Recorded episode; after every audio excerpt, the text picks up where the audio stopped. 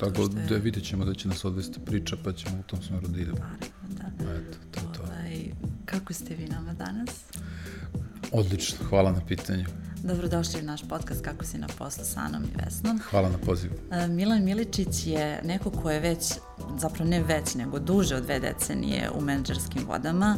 On je, iako ga mnogi pamte, i kao voditelja i kao manekena, ali zapravo je i pisac, piše sjajne knjige. Jedan nam je ovde, e, ima dva izdanja, a napisao je i roman. E sad, mi u podcastu često govorimo o tome koliko je važno da smo dobro na poslu i koliko je važno kako obavljamo posao, ali da napravimo i neki balans, odnosno da e, važni smo i mi sami, a ne samo posao za koji radimo. E, Milan je imao iskustvo nekoliko različitih profesija i zbog toga je naš gost može da nam ispriča kako je raditi u jednoj, kako u drugoj, kako je teško osnovati svoj biznis, šta je tu zapravo najvažnije pri kreiranju biznisa, ali je neko ko je prošao put, e, ja znam sada, to je i od instalatera do direktora. Tako da ćemo malo pričati o tome, yes. znam za to, da. Danas je i edukator, ali možete li nam, eto, od svega ovoga što sam ispričala, koje su to neke vaše tri profesije i da nam nešto ispričate o njima, kako je tekao taj karijerni put. Pa, još jednom hvala na pozivu. Ovaj, uh, odlično pitanje. Uh, jedna od tih, po, po, moj prvi zvanični posao bio je kao serviser, uh, u, radio sam kao ser, uh, u, serviser u servisu za ugradnju alarma u kući i u stanu. I to sam radio tokom studija, to su bilo na lude 90. godine, ne, ne vratile se. Ovaj, I tu sam naučio ono što se kaže ko kosi ako vodu nosi. Ja sam počeo kao pomoćni radnik u servisu, na kraju sam bio prvi, prvi majstor. Ovaj, uh, ono što je moj servis gde sam radio, isticalo drugih je bio to što je uvijek bio čist. I ja sam ostao uvijek posle posla i čistio taj servis i gazda, moj današnji prijatelj, Dobrica Pavlović me pitao, dobro, Milanče, što, šta ti je čuči, idi kući, neću, hoću da me ujutru sačeka sve čisto, kada dođem da radim. Ovaj, I prosto to je neka moja, od, o, neka moja odrednica da uvek hoću iza sebe da ostavim onako kako sam mhm. našao, pa i bolje od toga naravno. Ovaj, I tu sam dosta stvari naučio. To je bio moj početni posao. Drugi posao, ja sam se obično bavio paralelno nekim stvarima. Ovaj, e, posle studija sam uh, počeo malo da se bavim manekenstvom uh, i tu me je na, na pisti bukvalno uočio gospodin Jarosimović vlasnikom trejda i rekao je tadašnji generalni direktor Ćeriću kaže ovaj dečko izgleda lepo, a ne izgleda glupo. Kaže, ajde zove ga na, ovaj, na razgovor sutra. Ja sam sutradan bio na razgovoru ovaj, za posao, nisam ni znao kom poslu je reč, nisam ništa znao dobio sam šansu da budem prodavac. I sad ja prodaj i opet ništa nisam znao. Imao sam akademsko obrazovanje, mhm. više škole u tom trenutku ovaj, uh, i ubačen sam u vatru. I sad to je ono, da li ćeš da iskoristiš priliku ili nećeš da iskoristiš priliku. Bilo je to ostajanje i po 36 sati na poslu učenja, ispitivanja, kako šta, obilaska terena, svega je to bilo i to je bila ogromna š, moja škola uh, i uh, naj, uh, ja sam imao stvarno tu sreću da uletim u kompaniju kakva je Comtrade, ovaj, gde je i tada postojalo nešto što se zove kruženje. Mi smo kao produkt menadžeri kružili, ja sam u jednom trenutku vodio periferijale, u drugom trenutku matične ploče, u trećem trenutku računar, računarske sisteme, sklopove, notebookove i tako dalje. I naučio sam prosto kroz to kruženje ti naučiš šta, šta, šta drugi rade. Dakle, cijel jedan proces imate Upravo to, prođeš. I uh, ovaj, uh, ubrzo sam i napredovao i negde je i gospodin Vrosimović rekao, pa dobro, već ti se paralelno se baviš i medijima i dobar si u prodaji, a, ajde da vidimo da te probamo u marketingu sada. U tom trenutku se i otvorio ovaj, agencija Can Advertising i ja sam bio prvi akaunt te agencije, nisam znao što znači biti akaunt u marketičkoj agenciji, Buca Ristić mi puno pomogu u tome, ovaj, pa sam posle bio menadžer akauntima i na kraju sam se opet vratio u grupaciju, bio direktor marketinga grupacije. Ovaj, tada sam i otišao iz Comtrade-a, zato što sam svoju suprugu opoznao ovde. Ovaj, negde sam shvatio da nije dobro da supružnici rade u istoj firmi. Seo sam sa gospodinom Rosimovićem, suprugom. I Šta ćemo dalje? Da? Ja, ovaj, ja odlazim zbog toga i toga. Uh, I mislim da sam tada uradio jedan dobar potez, jer evo i dan danas sam dobar prijatelj poznanik, ako ne prijatelj sa gospodinom Rasimovićem, u braku sam 22 godine, ovaj, dva klinca, klinca, čovek od 20 i 17 godina ovaj, i imam svoju karijeru koja je nevezana za Dobro, da, ono sve što ste mi rekli, dakle, važno je to da imate priliku da, da probate različite poslove i mogućnost mm -hmm. napredovanja u samoj firmi. Yes. A da li vi iz ovog ugla danas, šta vam je bilo, koja vam je bila najstresnija profesija i zbog čega? Pa sve su profesije stresne, sve u životu što se radi je veliki stres ako se dobro ne pripremimo za to. Stres možemo da izbegnemo dobrom pripremom i ničim drugim. U stres upadamo kada su neke ne, e, situacije koje nam se dese iznenada, a mi ih kao loši menadžeri nismo predvideli. A, I onda ulaziš u neku situaciju koja ti se trenutno dešava, koja te dovodi, uznemiruje te, ulaz, ubacuje te u stres i tako dalje, tako dalje. A, konkretno od svih ovih zanimanja koje sam opisao, meni je najstresniji, a ujedno i najlepše, mi je bio voditeljski posao. Jer sam tu uspeo da se iskažem ovaj, a, i kao voditelj i kao neka javna ličnost i kao neko koji je uspešno radio taj svoj posao. Ali znate kako je, kad stanete pred milionski auditorijum, ako pogrešite, Pričajte mi o tome. a, ja se sećam, vodio sam sad još dve koleginice, a, manifestacija, to je ono pesma Mediterana, Budva, nema da. pojma, 90 i neke godine. I u svakom slučaju sad bilo je 20 pevača, kao pesma za Euroviziju, sad bilo je 20 pevača, pa su onda trebao žiri da, da ih žirira. I a, trebali su da daju poene 8, 10 i 12 poena. I software tako napravljen i ovi samo ukucavaju. I ja prozivam prvog člana žirija, sećam se neki kompozitor stari iz Crne Gore, on kaže, Bogo mi, meni su svi odlični, ja ću svima 12 da dam sad ja znam, prvo me gledaju svi ljudi u onom amfiteatru u Budvi, drugo me gleda direktan prenos. Ja ne znam kako čoveka da obuzdam, potpuno nenormalna situacija. Pogledamo jednu koleginicu, ona kao gleda ovako jer je moj red da najavljem. Ja kažem, dobro, ovaj, molim vas da razmislite još jednom, idemo na sledeći. I sad sledeći ovaj, eh, iz žirija su a, dali onako kao što je dogovoreno. Ja se na kraju opet vratim na njega. Ja kažem, dobro, jeste odvučili sada? Kaže, ne, ja ću isto ovako. Dakle, I sad neki... u tom trenutku ja kričkom oka vidim kako iz reportažnih kola istrčava producent, dolazi do ovoga, objašnjava mu kako ne može, sad svi ćutimo i, i ja počinjem da pričam neku priču, opet počinjem da čitam o pevačima, kako je su nagrade, ovo on. U svakom slučaju kaže, dobro kad ste zapeli se na njega, čujem, pošto je u prvom redu, dobro kad ste zapeli ovo, mi ću 12, i kažem, evo, ovaj, i Gospodin se odlučio Gospodin se najzad odlučio, tako, ali tih četiri minuta to je bilo... Da, da, svima pakle... djeluje da je, da je malo četiri minuta, kad kažemo na televiziji, zapravo je prilično... Da, ne, to je, e, ne, ne može da prođe. E, sada, to vi znate. Na, najbolje, da. I Aneta koja, koja je tamo iza. A kažite mi, uh, kako ste se tada borili s stresom? Dobro, tada su bile neke situacije koje ne možete sami da kontrolišete i u tim vašim Jasne. poslovima u početku koji, koji su bili malo specifični. A kako se danas e, borite sa, sa takvim situacijama? Pa ja, prvo tad sam bio mlađi. Tad to nisam ni doživljavao kao stres. Nisam ni znao da je to stres. A onda sa godinama i sa nekim iskustvom ti shvataš da, ti, da se u nekim trenucima nelagodno osjećaš i onda pokušavaš uh, zdravorazumski da rešiš te trenutke, odnosno da dođeš do toga da uopšte ne uđeš u takve trenutke. I to je upravo ono što sam rekao na početku, priprema. Znači ako se dobro pripremiš, ti možeš da prevaziđeš stres. Naravno, stresa će uvek biti, to je i naše, ono lično u nama, da. Ovaj, da li imamo tremu ili ne, ali uh, ono što možemo svojim radom da uradimo, to je da taj stres uh, prevaziđemo pripremom i uh, preusmerimo ga na pozitivnu tremu.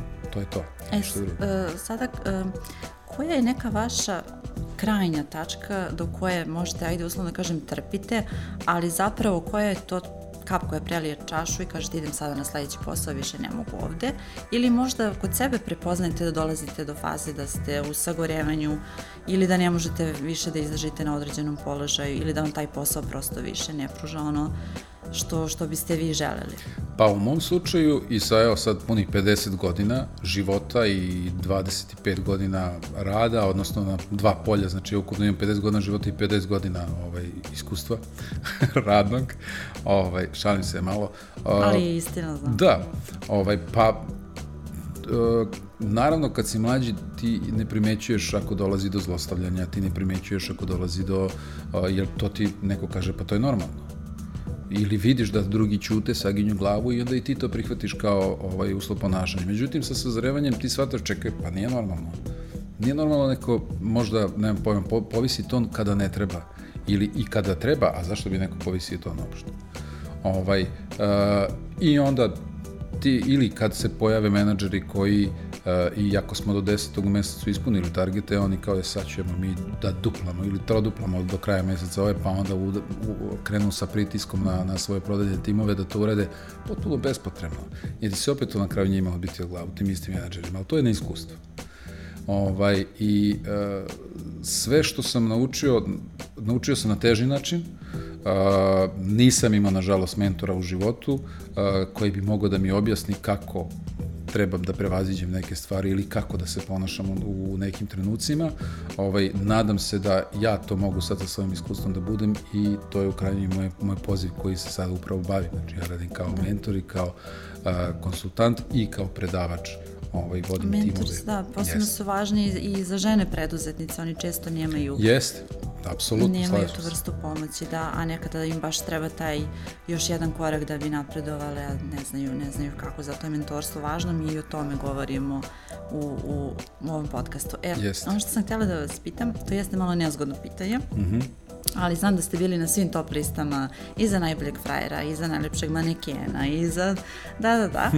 I sada, e, da li poslodavci u Srbiji ili globalno e, imaju tu tu onako da biraju ljude pre koji su privlačnijeg izgleda. Kad, I na razgovoru za posao, i na, na nekim možda bitnim uh, menadžerskim pozicijama. Je li to tačno ili je to predrast? Pa ja mislim da je predrasuda. Uh, ja sam od toga ovaj, samo imao neke, uh, neka negativna iskustva jer kad vas jednom uoče kao manekena, ceo život vas to prati.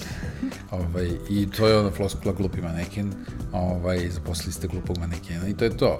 I sad e, ti trebaš e, duplo više da uložiš i svoje energije da i svog znanja, da se da. dokazuješ, da, da ne kažu čekaj, pa ovaj dečko stvarno, ili devojka stvarno nešto zna, stvarno hoće da uradi, ima energiju, ako kaže da nešto uradi, onda će da uradi.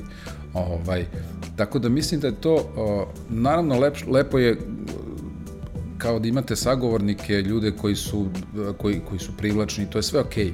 I, I ja verujem da, da se zapošljavaju ovaj, više oni koji, koji imaju neki, da kažem, lepši, to je ono lično šta je lepo, šta nije, jel?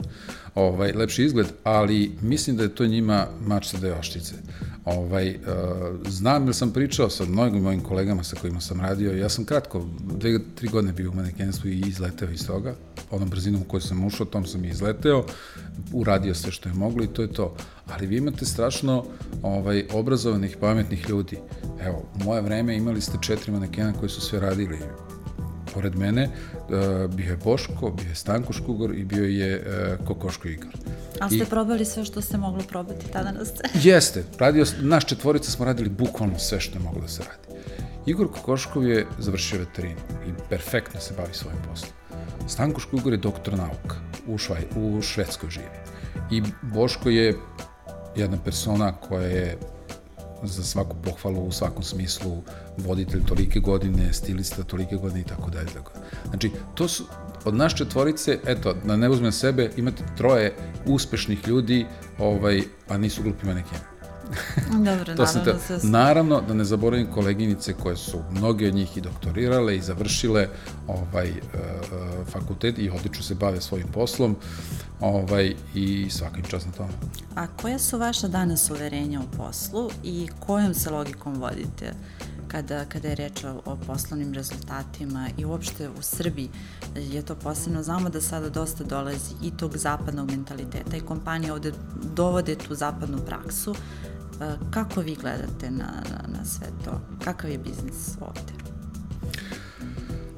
Pa znate kako, ja sam radio za, uh, i za strane kompanije i za domaće kompanije. Uh, ser, moja sreća što sam radio za razvijene domaće kompanije, međutim, uh, iz ovog poslednjeg posla koji se trenutno bavim, ja shvatam koliko naše, u stvari, kompanije, koliko ima kompanija koje samo rade, a nemaju nikakve KPI-eve po kojima rade, nemaju nikakve planove, nemaju nikakve, ne znaju koliki su im prihodi, koliki su im rashodi, pa puno neke, na, uh, ja slobodno mogu da kažem, nenormalne okolnosti za jedno poslovanje.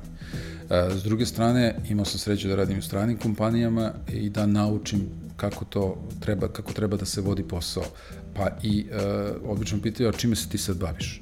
Kažem, evo, i sad kad bi ovaj, došao neko kod vas i rekao, evo, vi ste sutra direktor ove televizije šta bi vi ovaj, morali prvo da uradite? Pa morali bi da vidite kakvi su vam rashodi, kakvi su vam prihodi, kakvi, uh, kakav je si ka, ka, prili novca, kakav je cash flow, kakav vam je, uh, kakvi su vam klijenti, kako radi kon, konkurencija, koliko zaposlenih imate, koliko zaposlenih proizvodi određeni program, koliko, znači, hiljade stvari ja objašnjavam šta mora da, do čega se mora da se dođe, da bi znali gde smo sa poslovanjem a tek onda da razmišljamo o sledećim koracima uh, unapređenja tog poslađa, uh, poslovanja i tako dalje i tako dalje. Ljudi pogrešno misle da se firme otvaraju zato što imaju dobar proizvod, servis ili uslugu. Firme se otvaraju da, da bi prodavale. Pa, nažalost, i mi smo zemlja usluga, to je nešto što nas... To je, ali to nije, nije nažal, to je tako. To je tako svuda u celome svetu. A, druga stvar, cilj svake kompanije, obično tako i počinjem neka svoje predavanja, kažem šta je prodaja, šta je cilj svake kompanije, da gledamo širo sliku prodaje. Pa onda oni kažu pa ovo, pa ono, kaže profit, kažu jest.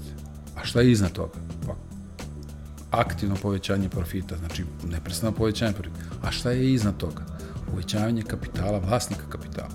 To je jedini cilj svake kompanije. Pa jeste, da. Tako da, ovaj, i onda kada krenemo odatle da znamo zbog čega smo mi uopšte tu, zašto ta kompanija postoji, zašto je baš taj proizvod u pitanju, kad to spustimo na naš, na naš nivo, na nivo prodavca, na nivo account menadžera, onda je mnogo lakše i tim ljudima. U krajnjoj liniji, Jeff Bezos je izjavio jednu sjajnu stvar.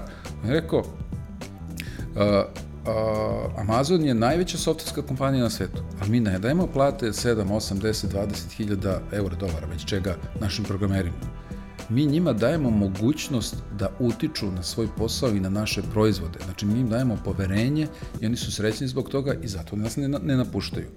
Da. A imate softverske kompanije koliko volite koje daju platu, ja sam pričao sad baš sa, sa kolegom Simom iz e, s Prodejne, že mi smo se tu na 7000, ako smo sada pričamo o tome, ovaj, mi ne možemo više da damo i opet nam odlaze ljudi. Jasne. Dobro, ali daj im daj im mogućnost, daj im da. poverenje. Pa to, to će ono ljudi znati, danas radnici, to nije će samo ljudi znati da platu, da cene. Da, Upravo nije samo to. platu, nego, nego i... Ma okruženje, uh, kakav je menadžer sa kojim radim, uh, da, da budemo jasni, ljudi ne napuštaju kompanije, ljudi napuštaju menadžere sa kojima rade. Ako oni nemaju podršku u tom menadžeru, oni će da odu. Ali ako ih menadžer dobro menadžeriše, odnosno upravlja ljudima, to mu je jedini posao koji ima, onda on može da pravi timove. Ja svaki svoj tim sa kojim sam radio, kome sam učestvovao i sa kojim sam radio, i dalje mi je tim. Pa da. E sada ljudi kada odlaze, e, mi smo imali baš i nekoliko takvih gosti u podcastu, e, obično odu nešto svoje ili svoje preduzeće ili pokušaju da naprave neki svoj brend, ali na tom putu i greše. E, znam da ste vi vrlo upućeni u, u, u taj način, u, u taj deo biznisa. Šta može, evo koje su to neke možda vaš savet, koje su to početne stvari koje treba da urade kada je reč o brendu i formiranju biznisa? Pa to, to je ozbiljna stvar, to je najbitnija stvar formiranje brenda, jel? Ovaj, e, trebaju dobro da razmišljaju šta oni hoće u stvari da urade, šta ih ispunjava. Onog trenutka kada im hobi preraste u posao, oni su pobedili. Koliko god para da zarađuju. Znači, kada iz zadovoljstva rade ono što rade, oni su pobedili. Znači, a, a, ne radim a, da bi živeo, nego živim da bi radio. To je ona igra reči. A, Kako se sad pravi brend? Pa kao, mislim, normalno. Znači, uh, meni, posle 50 godina, ne mogu kažem normalno. E sad to ima hiljadu stepenika Tako koje je. treba da se prođu od imena, od logova, od žiga, od zaštite tog žiga, pa zašto je takav, zašto je ovakav, da li ima neku skrivenu ovaj, formulu ili nema skrivenu formulu, uh, da, li, da li je koje je boje. Mislim, naj, najprimetnija boja na svetu je narančasta i masa logotipa je naranđaste boje da bi privukla na ovaj pogled. Naročito u digitalnom marketingu koji je marketing uh, u trajanju od sekund i po. Ako ti za sekund i po ne privučeš nekoga da vidi neku tvoju objavu, on je već otišao. Nekako mi se čini da svi prvo naprave ideju i kažu ok, ja sad krećem ovo, a da zaborave na logo i na i onda kažu mi to ću na kraju. A zapravo bi trebalo ne strateški da se prvo to reši. Pa zato što uh, pogrešno startujemo ono što sam malo pre rekao. Ljudi misle da je pokretanje biznisa dobar proizvod. Apsolutno jeste, ali je uh, osnov biznisa prodaja. Jer ti ako napraviš dobar proizvod, a ne prodaš ga, postoje, postoje hiljade i hiljade brendova koji su na, na smetlištu brendova. Ne postoje i postoji samo 2% uspešnih na, od svih mogućih koji su ikad počeli da, da, se, da, se, da se formiraju. A kako onda dalje razvijati i svoj brend i posao i kako taj put od zaposlenog za nekog, odnosno radnika za nekog, doći do, do te tačke? Pa, da znate kako, kada, kada ste rodili brend, onda trebate i da ga nunate. Sad, kreće, kreće ono, ja u, u veoma često sve što, sve što pričam sa, sa ovaj, mojim klijentima, pričam o nekim metaforama u prenesenom značenju. Ako smo se porodili sada, ispostavit će se da je to što smo ostali trudni, bili trudni 9 meseci i porodili se možda najjednostavniji i najlakši period. Tek onda kreće odgajanje dece. Jer imam dvoje tinejdžera u kući i znam kako je. pa i ljudi vole, mislim da je, kažu u ekonomiji je naj, najbolje objasniti stvari na najjednostavniji način. Jest. Kako će ih svi Jest. razumeti baš Jest. praktičnim primjerima. Jest. A šta je ono što biste vi voleli da ste znali kada ste počinjali karijeru? Da li imate te neke tri ili do pet stvari da, da vam je tada neko rekao uh, Milane, bit će to i to, idi ovim ili onim putem? Uh, pa prvo, volo, stvarno bi volao da sam imao mentora, nekoga s kim bi mogao da, da napredujem. Ovaj, uh, pravio sam mnogo grešaka, uh, istih grešaka učio i ja učim moje sve uh, klijente da greška nije nešto loše. Greška je čak što više dobra, dobra stvar jer iz nje naučimo nešto. Loše je ako se ta ista greška ponovi jednom ili dva puta, onda je stvarno problem. Ovaj, znači to prvo, ako, ako mogu sebi da obezbede mentora ili ako imaju sreće, kao što sam ja imao sreće da prvo svoje ozbiljno zaposlenje dođem u kompaniju Comtrade, pa sam tu hvatao, krao znanje, ovaj, naučio kako da se ophodim sa ljudima i tako dalje. Drugo je svoje obrazovanje. Znači, bez obzira na akademsko obrazovanje, mi imamo ovaj, i uh, ono poslovno obrazovanje i mi stalno moramo da se obrazujemo. Ja sam u zadnje, u zadnje dve kompanije u kojima sam bio svojim ovaj, prodavcima, pošto vodio prodajni i marketing timove, sam svakog meseca kupovao knjige. Ja sam bio svestan da ja moram prvo da ih da, da, da svi mi kao tim moramo da budemo bolji ljudi, a onda i da radimo na našem profesionalnom stavu i da budemo bolji, samim tim ćemo biti bolji prodavci. I onda sam ih bukvalno terao da čitaju. I to je izgledalo ovako prvih mesec dana, čim podelim knjige i svakog prvog utorka u mesecu uh, okupimo se u 5 sati posle posla i pričamo. Ne pričamo o knjigama, šta si ti pročito, šta si ti... Obično su to knjige o menadžmentu, o marketingu, o prodaji, razno razne te knjige sa temom poslovanja. Prve dve nedelje je bilo kuku majci, znači svi ćute, onda ja nešto po, pokrenem ovo, e, treće nedelje, pošto su već tri knjige ovaj, zamenili, različiti ljudi su pročitali istu knjigu, jedan se ja i kažem, ja sam pročitao to i to, mislim da bi mogli da iskoristimo našu poslu. Ovaj kaže, ej, ja se, da, da, ja sam to zaboravio prošli put da kažem, ali sam u ovoj novoj knjizi pročitao ovo. I ja sam se u tom trenutku samo izmakao i pustio ih. I to je krenuo, a pričam, znači, u grupi od 30 ljudi. Da, u jednom da. velikom konferensu da se. I tu je krenula jedna energija i konstruktivna a, a, diskusija i sad ide 6 sati, 7 sati, 8 sati, u 8 ja naručujem big picu, stiže sve, ono. 9 sati, u 10 sati ustaje na kolegica, kaže, ja stvarno moram da idem, deca me čekaju, moram neko da istaju krene. I oni su na kraju jedva čekali taj prvi utorak u mesecu da, da mi pričamo, jer smo im dali poverenje i dali smo im da, priliku da se iskažu. Upravo to. Upravo to. I to je taj rad, mentorski rad sa timovima i sa pojedincima koje, koje preporučujem svima i koji je neophodan da bi nešto radili. Ako vi stoj, stanete sa bičem iznad nekoga i pravite taj tim, pa taj tim će vam otići. Neće vam ostati. Jasno. Dobri ljudi će vam otići, ostaće vam najgori. A onda e, šta radnici da rade? Da li imate za njih savet? Evo, pri kraju smo uh, isto 3 do 5. Kako oni da priguraju dan i na poslu i sa svojim poslodavcem i u ovom biznisu koji je u ovo izazovno vreme prilično prilično na tapetu kada govorimo i o... Pa ovako, trebaju stalno da, da, da čitaju i da se obrazuju. To je pod jedan, ali stvarno i najiskrenije, ne pričam to za, ne znam za, za čega. Znači, stvarno trebaju da, da podižu svoje znanje toga o čemu, u čemu se bave, u toj struci čemu se bave. A, trebaju da nađu struku, ako im ne odgovara prodaja, ako je puna targeta, ako je stalno napeto, nek probaju da rade u knjigovodstvu. Tu imaš, kontiraš lepo, plus minus na kraju dana mora dakle, ne treba se plašiti promene Ne, ma ka, pa promena je nešto najlepše na svetu.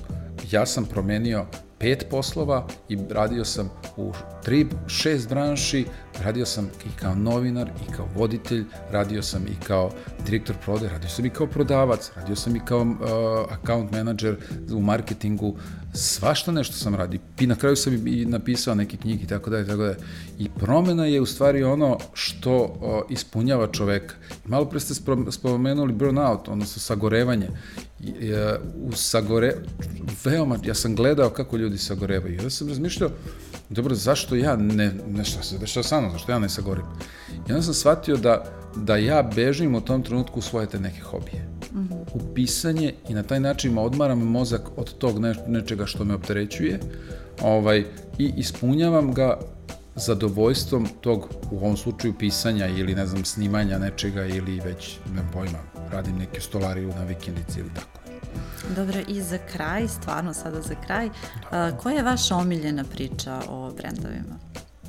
O jednom brendu. Pa ima ih puno. U ovoj knjizi Brendopedija koju sam napisao ima 450 svetskih brendova, odnosno načini kako su dobili imena. Ovaj, uh, Ja sam malo pre ispričao vama onu priču za ovaj pre u studiju, ne znam da li hoćete tu da ponovim. Možete, pošto, e, pošto je ovo mesec žena. Može. E, pa možemo, da. Ovaj, godina je 1886, a čini mi se, ovaj, i, i uh, u pitanju je uh, prodavac od vrata do vrata prodaje knjige u Americi. Uh, I kao i svaki dobar prodavac, on stalno razmišlja kako će da po, u, pospeši tu svoju prodaju. Uh, ustanovi u jednom trenutku da mu 99% slučajeva kad kuca na vrata žene otvore vrata, jer podsjetit ću 1886. godina žene nemaju prava glasa, a ne da rade. I one su domaćice. I on kaže, dobro, ajde, možda bi mogao da im poklonim malo ružinog ulja, ono, bočicu, uz tu neku knjigu i njemu počne da raste prodaj. I on kao svaki dobar prodavac opet razmišlja kako ću sada da ovaj, podignem tu svoju prodaju i on kaže pa čekaj ženama onda bolje da ne prodajem knjige nego da prodajem tu neku dostupnu kozmetiku koju mogu da im prodajem. I on počne da im prodaje kozmetiku i počne da mu raste prodaj. I opet, kao uvek ja ponavljam, kao svaki dobar prodavac stalno razmišlja kako da poveća svoje prihode, odnosno svoje prodaje, ovaj, dolazi na ideju, kaže, pa dobro, zašto ja kao muškarac da prodajem ženi ženski proizvod, pretpostavljam da će žena mnogo bolje da napravi komunikaciju sa ženom za ženski proizvod. I uh, zapošljava čuvenu gospodicu Albi, koja ovaj, počinje da prodaje njegove proizvode, napravimo procedure kako ona to radi, kako priča sa ženama i e, dan danas e, preko 6 miliona žena, evo posle 100 i koliko, 50 godina, e, na sličnim principima koje je postavila gospodica Albi za brand Avon prodaju po svetu taj brand. Ovaj, eto, to je priča za Avon, a ima ih, možemo da pričamo koliko god hoćete. Hvala vam Milan, mnogo što ste bili naš gost. Hvala vama ste... na pozivu što ste podijelili sa nama ovo znanje. Vi nas gledajte i sledeće nedelje, gledajte nas i na YouTube-u, pratite na Spotify, Google i Apple platformama. Uh, hvala ti puno. Hvala. Uh, a možda, možda možeš da mi kažeš koji je najgora priča nekog brenda? Koja, koja se onako propastila? Uh, pa ne, uf, najgora. Jel ima nekad da se ti baš onako Pa najgora, ja sam radio neki feljton ovaj, o brendovima koji su pomagali nacističkoj Nemačkoj. Ovaj, Yes. I onda... Onda su sad u problemu, znam, na primjer za... Oni uopšte nisu u problemu. Jel da? Kom je problem u Hugo Boss? U stvari da. On je dizajnirao sve nacističke uniforme. Kompletno uniforme je on dizajnirao. U kom problemu je Adidas? Ali doktor Edgar, na primjer, on je baš imao problema što je...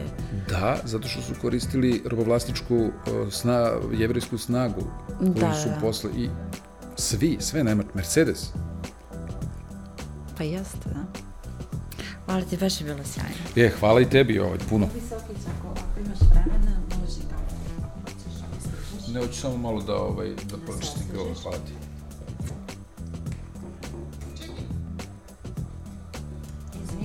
Izvini, Da ne pijem? ne, ja sam... Ostane ruka ili ne?